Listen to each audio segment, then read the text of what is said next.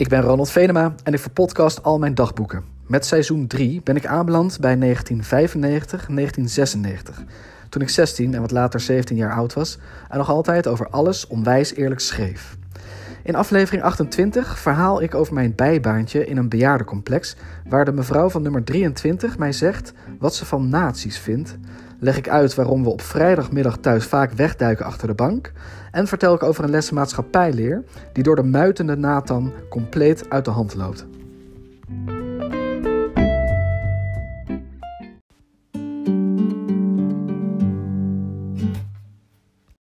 13 september 1995, woensdag, 22 uur 11. Ik werk in de keuken van een bejaardencomplex. Marco werkt er ook, via hem ben ik daar gekomen. Het is geinig werk, vooral omdat ik ook het avondeten bij die bejaarden langsbreng. Ik rijd dan met een grote ijzeren kar door de gangen, bel bij elk appartement aan en stap dan binnen en moet altijd heel hard zeggen dat het avondeten er is. Sommige van die bejaarden zeggen alleen maar: zet maar op tafel of zoiets, omdat ze te druk zijn met tv kijken. Maar er zijn er altijd wel twee of drie die vragen of ik even wil komen zitten aan tafel. Dat doe ik maar heel soms, want ik heb daar vaak geen tijd voor en dat mag officieel ook niet. Vanavond deed ik het toch weer een keertje, bij de mevrouw van nummer 23. Ze zat al klaar aan haar tafel. Ik zette het bord voor haar neer. Ze haalde het deksel van het bord en zei: Lekker, aardappelpuree, kom er even bij zitten. Ze had twee wijnglazen staan. Ze schonk er eentje goed vol. Die was voor haar. Ze vroeg of ik ook wilde. Ik zei dat dat niet hoefde. Ze schonk toch een heel klein beetje in. Ze zei: Even gezellig doen nou. En als je het op hebt, krijg je van mij wel een pepermuntje. Dat vond ik wel een goed idee. Mevrouw 23 vraagt altijd wat ik die dag heb beleefd. Ik vertel haar dan kort over school, dat vindt ze leuk om te horen. Ik vraag ook aan haar wat zij heeft beleefd. Ze maakt nu niks meer mee, dus vertelt ze meestal over vroeger.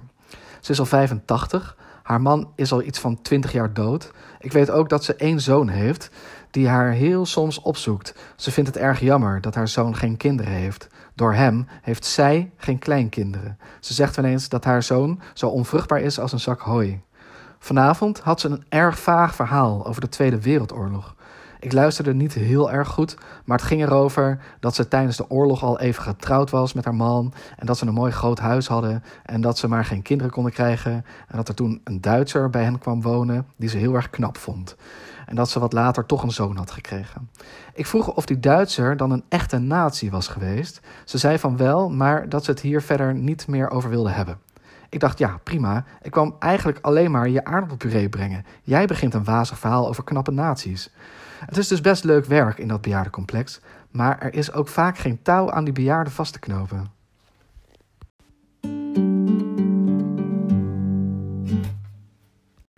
...15 september 1995, vrijdag, 17 uur 28.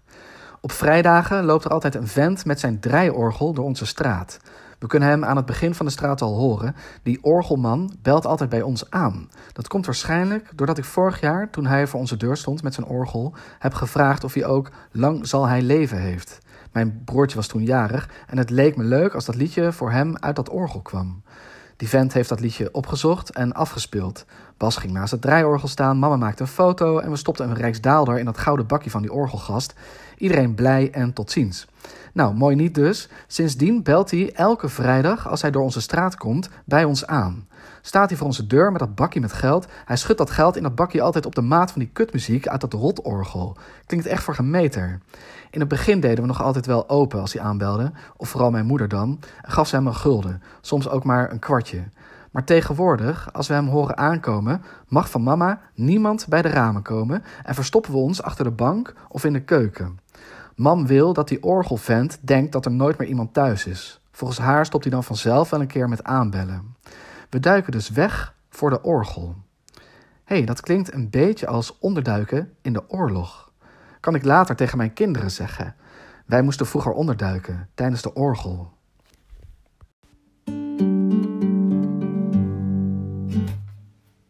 ...17 september 1995, zondag, 14 uur 01. Gisterenmiddag mocht ik eindelijk weer eens in de spits spelen. Ik had daar wel zin in, maar toen de wedstrijd was afgelopen dacht ik... hoe vaak heb ik de bal nou echt geraakt vandaag? Niet meer dan tien keer volgens mij. Ik loop dus anderhalf uur op dat veld, 90 minuten, om iets van negen keer een bal aan te raken. Dat is elke tien minuten een tikje tegen een bal. Je kunt echt heel veel andere dingen doen in 90 minuten. Een hele film kijken kan zelfs lukken als de film niet langer dan anderhalf uur duurt. Waarom zit ik nog op voetbal? Nou ja, gisteren was het wel best lekker weer, dus dan is het fijn om een beetje buiten te zijn. Maar verder, ik ben gisteren ook nog eens de hele tijd verrot gescholden door de verdediger die bij mij liep. Hij noemde me constant Mongool. Ik ben geen Mongool, dat kun je zo zien. En ik zit in 5VB met acht vakken. Maar ik begrijp wel dat hij me zo noemde. Hij was mijn tegenstander en wilde mij uit mijn spel halen. Tegelijkertijd, de bal kwam toch nooit onze kant op. Dus waarom zou je mij met uitschelden uit mijn spel willen halen? Er was bijna geen spel. Hij vond het waarschijnlijk gewoon een fijn scheldwoord. Het rolt ook wel lekker door de mond. Mongool. Hij zei trouwens meer muggol dan mongol, maar dat kwam door zijn accent, denk ik. Daar kan hij niks aan doen. Als ik duidelijker als Mongool wil worden uitgescholden, dan moet ik maar op hockey gaan of zo. Maar ik vind hockey geen hol aan, dus daar begin ik niet aan. Nadat hij me iets van tien keer Mongool had genoemd, zei ik tegen hem dat hij toch ook wel kon zien dat ik geen echte Mongool ben. Die gast zei dat hij zelf mocht weten hoe hij me noemde. Ik zei dat dat wel waar was, maar dat ik me niet aangesproken voelde als hij Mongool naar me riep. Toen zei hij: Oké, dan noem ik je geen Mongool meer. Ik dacht even: Wow, dat gaat makkelijk. Hij leek me niet echt iemand die ineens van gedachten kon worden veranderd. Toen zei hij: Dan noem ik je vanaf nu tyfusleier, stom Mongool. Ik denk tegenwoordig steeds vaker: Moet ik niet gewoon van voetbal af? Vroeger hoopte ik om ooit bij een topclub te voetballen, maar ik ben nooit ontdekt. Je kunt natuurlijk ook gewoon voor je plezier blijven voetballen. Maar als je geen reet te doen hebt, je zo uitgescholden wordt op het veld en dan na anderhalf uur met 4-0 weer van het veld stapt, terwijl je nog geen tien keer de bal hebt aangeraakt. Er zijn echt leukere dingen te doen op zaterdagmiddag.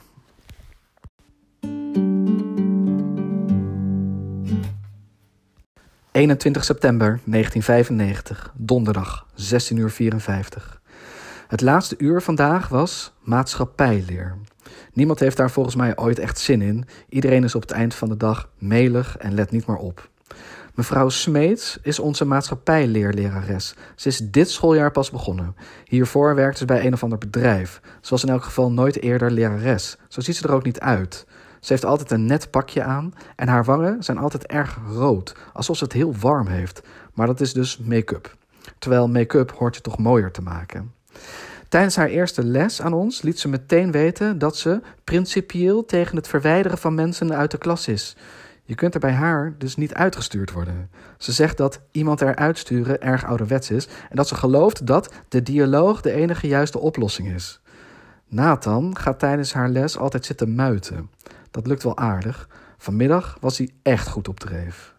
Mevrouw Smeets had het deze middag in haar les over politiek. Ze vroeg op wie wij zouden stemmen als er nu verkiezingen waren. Zoals altijd bij mevrouw Smeets begon iedereen door elkaar te schreeuwen. Toen het wat rustiger was, zei Smeets dat iedereen aan de beurt kwam. Ze ging ons één voor één vragen op welke partij we zouden stemmen en waarom. Ik zat goed na te denken op wie ik zou stemmen. Ik had eigenlijk echt geen idee. Ik heb ook niet een onwijze mening of zo. Niet zoals Lisbeth bijvoorbeeld. Die heeft echt overal een mening over. Ik word er niet goed van. Ik heb een stuk minder meningen. Mevrouw Smeets was bijna bij mij. Ze vroeg aan Marit, die achter mij zat, op welke partij zij zou stemmen. Marit haalde haar schouders op. Smeets vroeg welk politiek punt Marit het allerbelangrijkste vond. Marit dacht goed na en zei toen onderwijs. Ze zei het hakkelend, dus zo, onder puntje, puntje, puntje, wijs. Het klonk heel raar. Ik moest daar even om lachen. Mevrouw Smeet zag dat en zei wat er grappig was aan onderwijs. Ze zei: onderwijs is heel belangrijk. Ik zei dat ik dat heus wel wist, maar dat ik vooral om het woord moest lachen. Smeet zei: Doe even normaal, er is niks grappigs aan het woord onderwijs.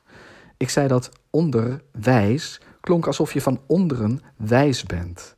Terwijl onderwijs volgens mij vooral bedoeld is om je bovenin wijs te maken, in je hoofd dus. Ik zei, bovenwijs is eigenlijk veel logischer wat we hier op school zitten te doen dan onderwijs. Mevrouw Smeets zuchtte nogal overdreven en ik wilde het verder ook maar laten zitten. Maar Nathan stond op en zei dat ik helemaal gelijk had. Hij riep door de klas dat onderwijs seksistisch is, dat het woord verboden zou moeten worden en dat we het voortaan bovenwijs moesten noemen. Mevrouw Smeet zei dat we die kant niet opgingen met deze discussie. Maar iemand anders riep al dat onderwijs dus hetzelfde was als wijs worden in je broekje. Daarna riep iemand dat onderwijs dan maar voortaan geslachtsdeelwijs kon heten. En daarna zei iemand dat het erg belangrijk is om wijs om te gaan met je geslachtsdeel. Ook riep iemand nog keihard smegma. Maar dat had helemaal niets meer met de discussie te maken. Mevrouw Smeets ging staan en zwaaide wat met haar handen. Ze hoopte zo de klas stil te krijgen en ze riep of iemand haar kon zeggen wie de minister van Onderwijs was. Iemand schilde meteen weer seksist, maar mevrouw Smeets reageerde niet. Marit stak haar vinger op en zei dat onze minister van Onderwijs meneer Ritsen is. Nathan lachte en zei dat de minister die over geslachtsdelen gaat natuurlijk Ritsen moest heten. Hij riep alle geslachtsdelen veilig achter Ritsen. Ik vond het best goed gevonden van hem. Daarna zei iemand dat onze regering vol mensen zat met seksistische achternamen. Mevrouw Smeet zei alleen nog maar nee, nee, nee, nee, nee. Maar iemand riep al dat één minister zelfs Els Tiet heette. Borst, verbeterde Smeet. Die mevrouw heet Els Borst. Haar stem sloeg een beetje over. Wij keihard lachen.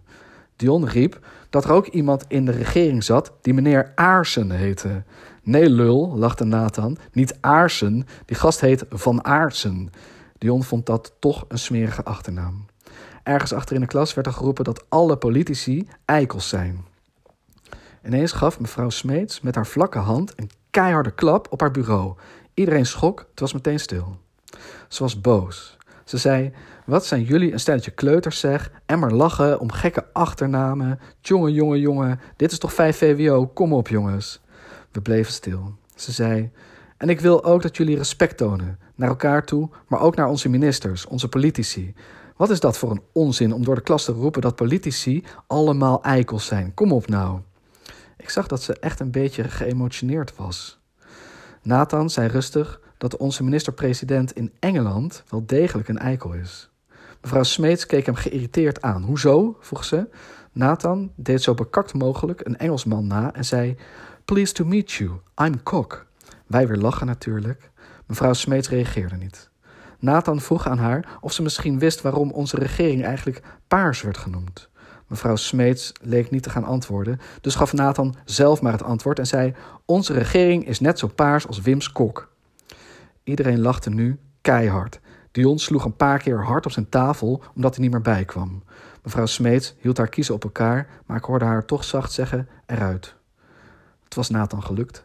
Hij vroeg of hij goed begrepen had dat ze wilde dat hij de klas uitging. Mevrouw Smeets zei niets, ze wees alleen maar naar de deur. Nathan pakte zijn jas van de stoel en zijn tas van de grond. Hij balde zijn vuist, grijnsde en verliet het lokaal. Ik vond het ook wel weer sneu voor mevrouw Smeets. Zeker ook omdat vijf minuten hierna de bel ging. Als ze nog even had volgehouden, had ze Nathan er niet uit hoeven sturen. Had ze zichzelf niet hoeven te verloochenen. Toen de bel ging, verliet iedereen best rustig haar lokaal. Ik wilde tegen mevrouw Smeet zeggen dat Nathan nu eenmaal zo is, dat ze zich er niets van aan moest trekken. Maar ze zat achter haar bureau met haar handen om haar gebogen hoofd. Ze keek niemand aan, dus ik liet het maar zitten. Lerares maatschappijleer, het is ook gewoon een hondenbaan. Niemand neemt het vak serieus. Het is niet eens een eindexamenvak. Dit was aflevering 28 van de podcast Alles Onwijs Eerlijk. Wil je me wat vertellen? Mail me dan op ronaldvenema78.gmail.com of zoek me op op Twitter, @ronaldvenema. En nu snel de volgende aflevering luisteren. Een aflevering waarin ik terugkijk op het verjaardagsfeestje van een jaar geleden. Een feestje dat ervoor heeft gezorgd dat ik van mama nooit meer een feestje voor vrienden mag geven.